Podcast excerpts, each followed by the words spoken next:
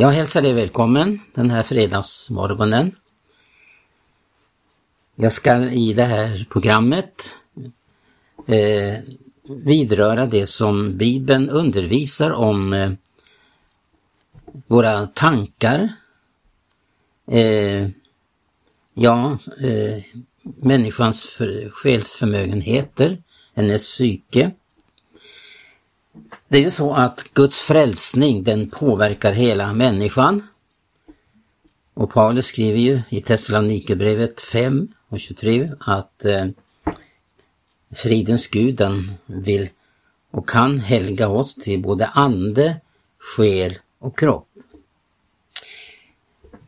Och jag tänker närmast på då det gäller våra tankar, vårt sinne.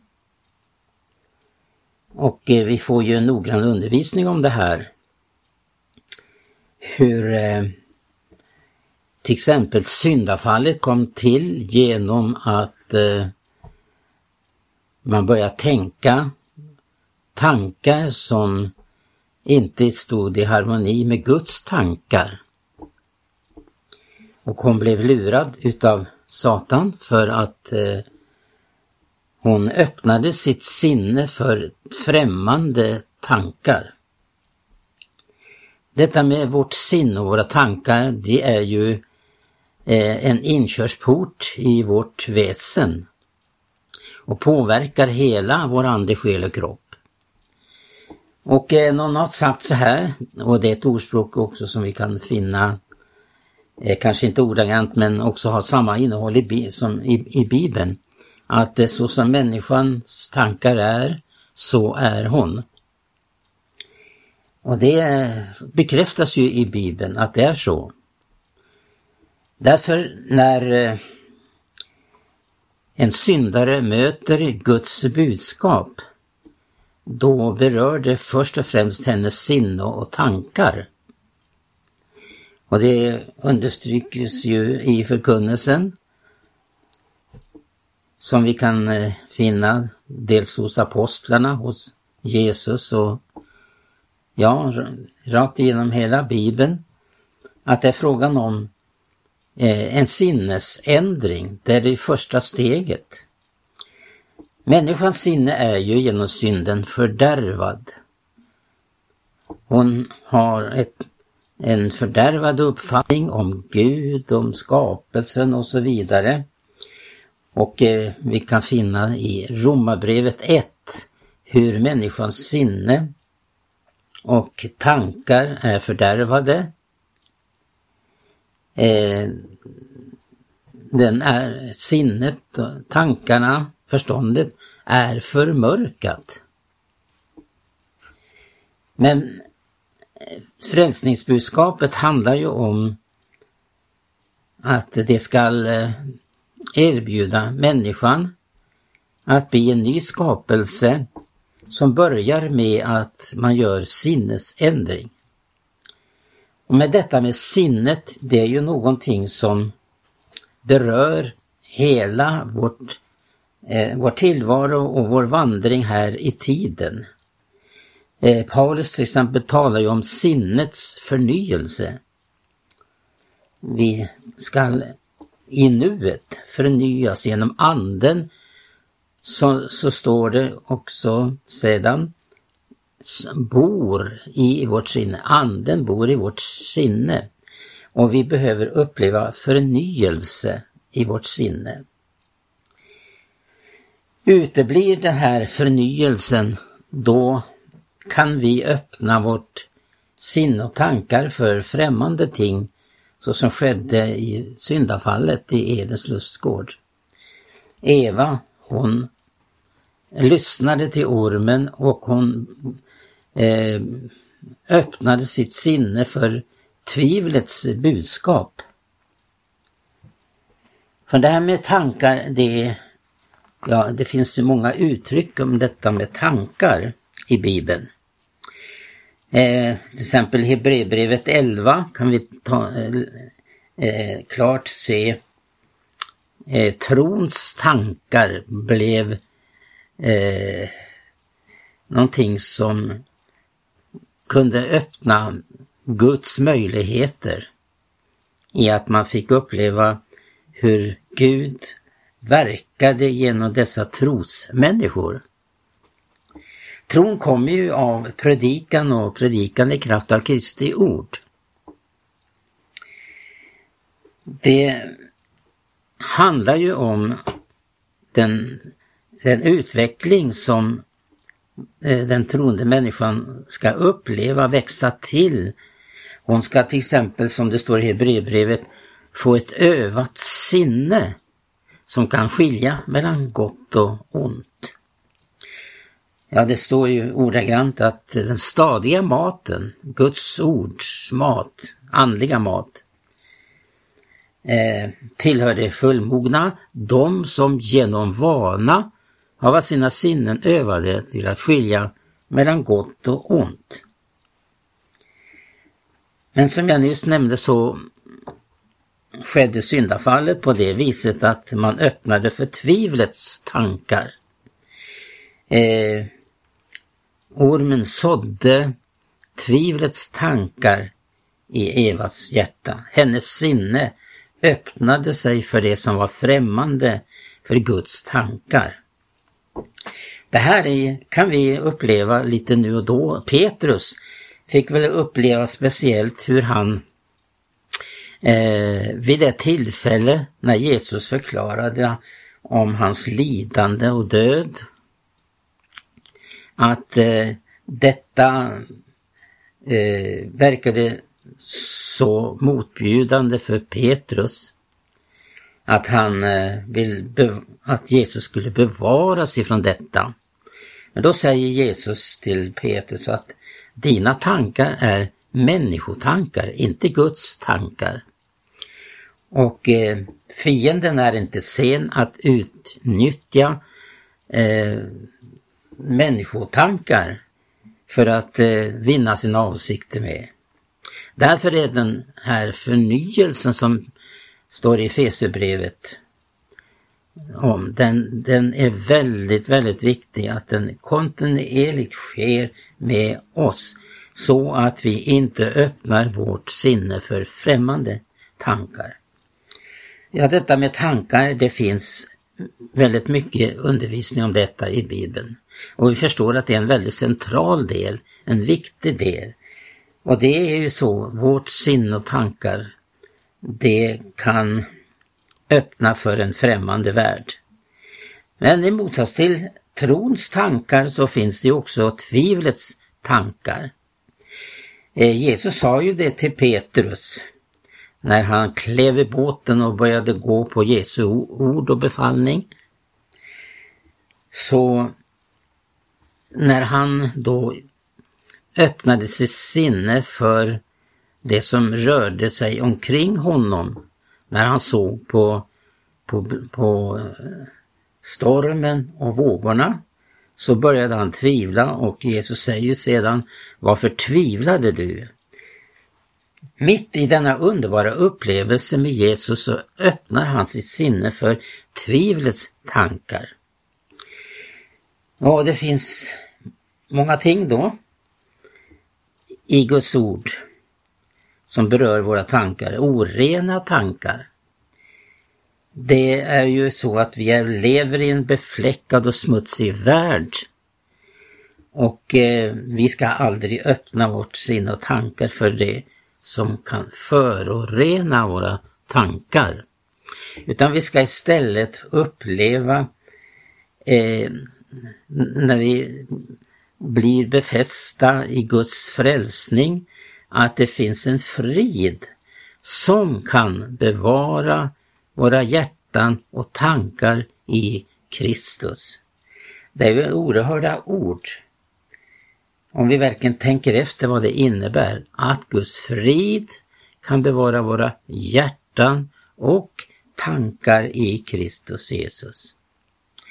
Det finns fåfängliga tankar och det var det som jag var inne på här när jag citerade från Romarbrevet 1.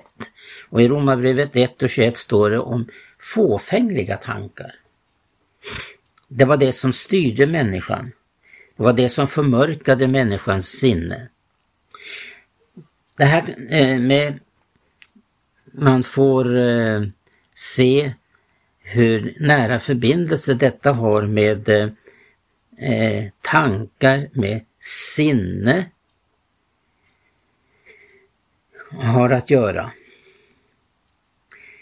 Eh, det finns också fridens tankar som vi kan se i Jeremia 29, och vers 11. Och Gud har fridens tankar om oss, icke ofridens. Och eh, det finns det ju mörka tankar. Då tänker vi närmast på eh, på Kain. Gud sa åt honom, har du mörkt i sinnet, då luras synden vid dörren, men du bör råda över den. Han hade mörka tankar, han hade inte gått i sinnet. Han kunde inte se frimodigt upp. Den som har gått i sinnet kan frimodigt se upp och kan bevaras ifrån mörka tankar, onda tankar. Frälsningen innebär ju att Gud når människans hjärta, hjärtat som är, genom synden är fördärvad. För Jesus sa ju det att ifrån hjärta kommer onda tankar. Allt det som vi ser eh, i den här världen som är i djävulens våld. Där råder det eh, eh där är hjärtat belastad just med vad som är ont. Från hjärta kommer onda tankar. I eh, Bibel 2000 står det om tanklösa, en tanklös situation. Man är inte befäst i sitt ord utan man det kan många troende människor också uppleva att man är, har inte Guds ord så förankrad i sitt sinne så att man kastas en hit och en dit genom att man är, är befästa med tankelöshet. Det finns inte i 1917 års översättning men jag hittade just här innan programmet tanklösa. Att vara tanklös. För det är frågan om att vårt sinne skall eh, vara skyddat ifrån dessa ting som råder i världen, dessa fluenser. Och eh, har vi Guds ord? Har vi öppnat vårt sinne och att vi ser till att vi får den andliga oförfalskade mjölken så växer vi upp till frälsning och vårt sinne eh, är omjordat. Vi far inte en hit och en dit vartefter vi möter vardagens olika ting. Alltså vi ska ha vårt, vi ska ha, stå under ordets inflytande för våra tankar. Att vi verkligen ser till att eh, förse oss med den stadiga maten. Med ett gott budskap, som det står i Ordspråksboken. Det finns ett gott budskap som vi kan mättas med och som vi kan också uppleva att eh, vår dörr är stängd ifrån det som är nedbrytande med, tanke, med vår tankeliv och så vidare. I Höga Visan står det ju om, om eh, att eh, om hon,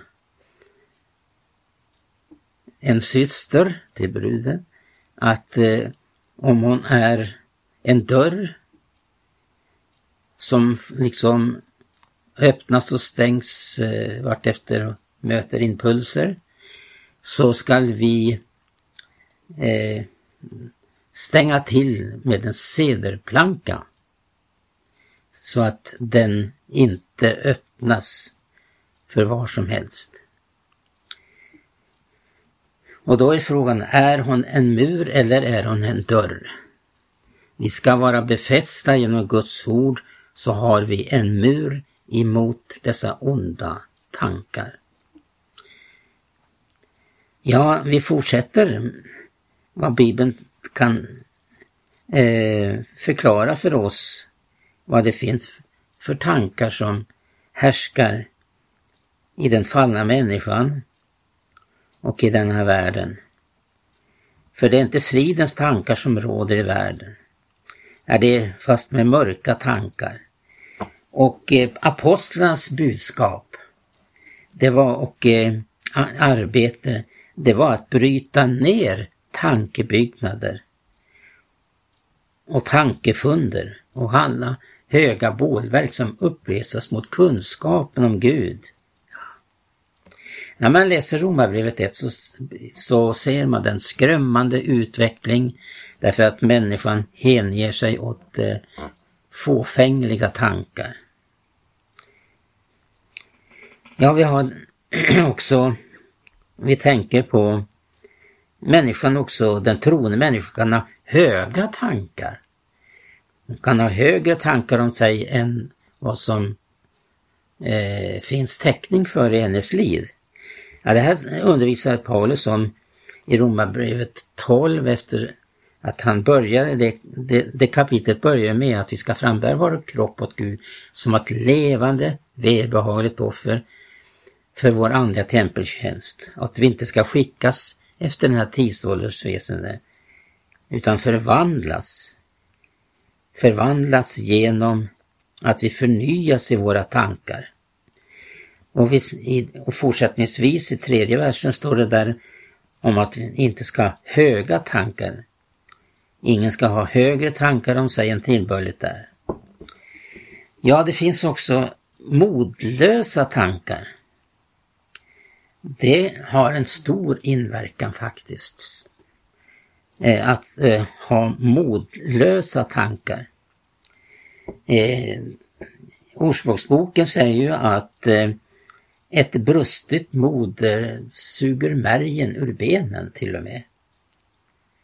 Att vi bokstavligen eh, får uppleva att vi påverkas fysiskt utav att om vi har ett brust eller om vi har, ett, har modlösa tankar. Det har stor påverkan på vår fysiska människa. Ja, så finns det oroliga tankar också. Och det kan bara vara, vara, både vara i positiv och negativ mening.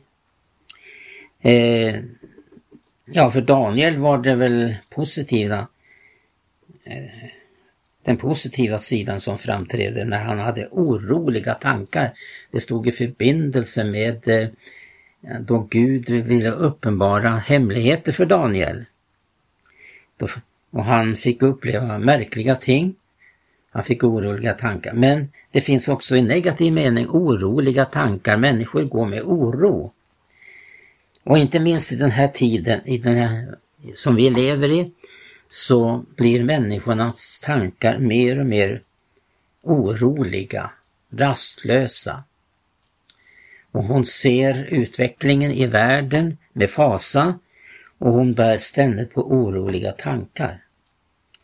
Men Guds frälsning, den skapar en trygghet för oss genom att vi har, är inte, eh, vi har inte vår framtid i den här tiden, i den här världen.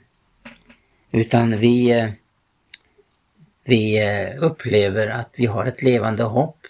Och för var och en som älskar Jesu tillkommelse så går den inte med eh, eh, oroliga tankar utan bidar det levande hopp.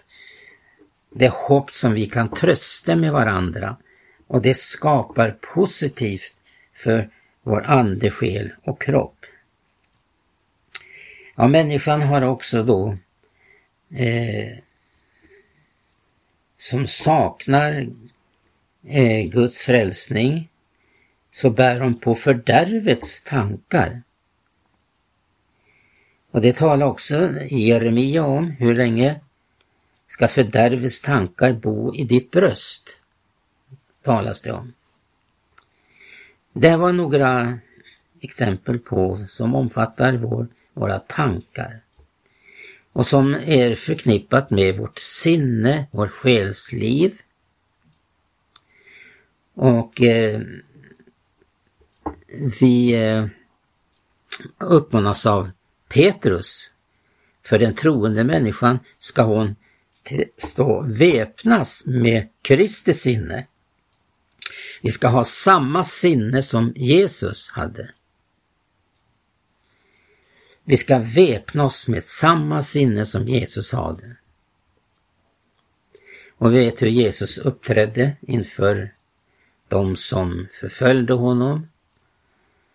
Och eh, han fick då uppleva att eh, han eh, levde i Guds seger medan han behandlades illa, slagen, sargad, som det står, han ble, som han blev för våra överträdelsers skull, att näpsten blev lagd på honom. Och i all denna behandling så står det om att han fördes bort så som ett lamm. Ett lamm gör inget motstånd. Och nu tar Petrus upp det här och säger att vi ska ha samma sinne som Jesus. Ja, vi ska väpna, väpnen är det med samma sinne.